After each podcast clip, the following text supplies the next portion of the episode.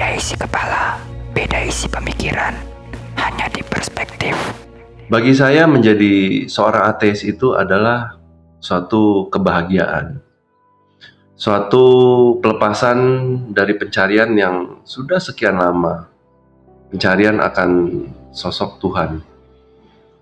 Dan menjadi seorang ateis itu terbebas dari hukum agama yang mengekang. Pada intinya, walaupun menjadi seorang ateis, saya tidak serta-merta bebas melakukan perbuatan kriminal, menipu, mencuri, merampok, membunuh, memperkosa.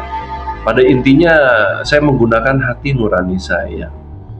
Yang kebanyakan saya rasa mungkin oleh orang yang mengaku beragama tidak mempunyai hati nurani karena mereka selalu merasa benar berdasarkan hukum-hukum agamanya.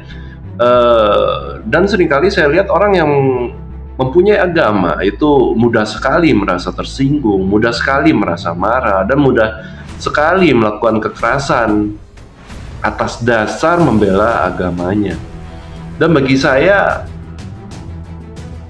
apabila agama itu menyebarkan damai, mengapa pengikutnya tidak pernah menebarkan kedamaian?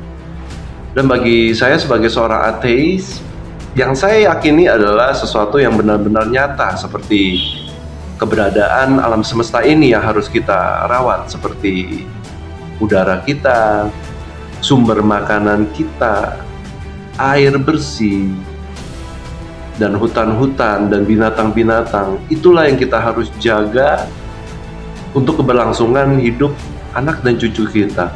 Bayangkan, apakah kita bisa hidup tanpa air bersih? Apakah kita bisa hidup tanpa makanan yang sehat? Apakah kita bisa hidup tanpa oksigen? Saya rasa saya tidak bisa, tapi yang pasti, yang saya yakini pasti itu saya bisa hidup tanpa Tuhan.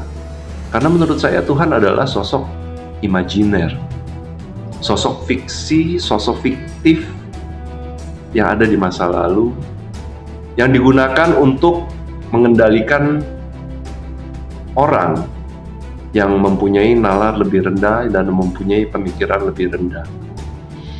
Dan jujur saya, jujur saja setelah saya menjadi ateis, saya jauh merasa bahagia dan tidak melakukan doa-doa permintaan yang aneh-aneh. Saya lebih yakin kepada usaha saya sendiri.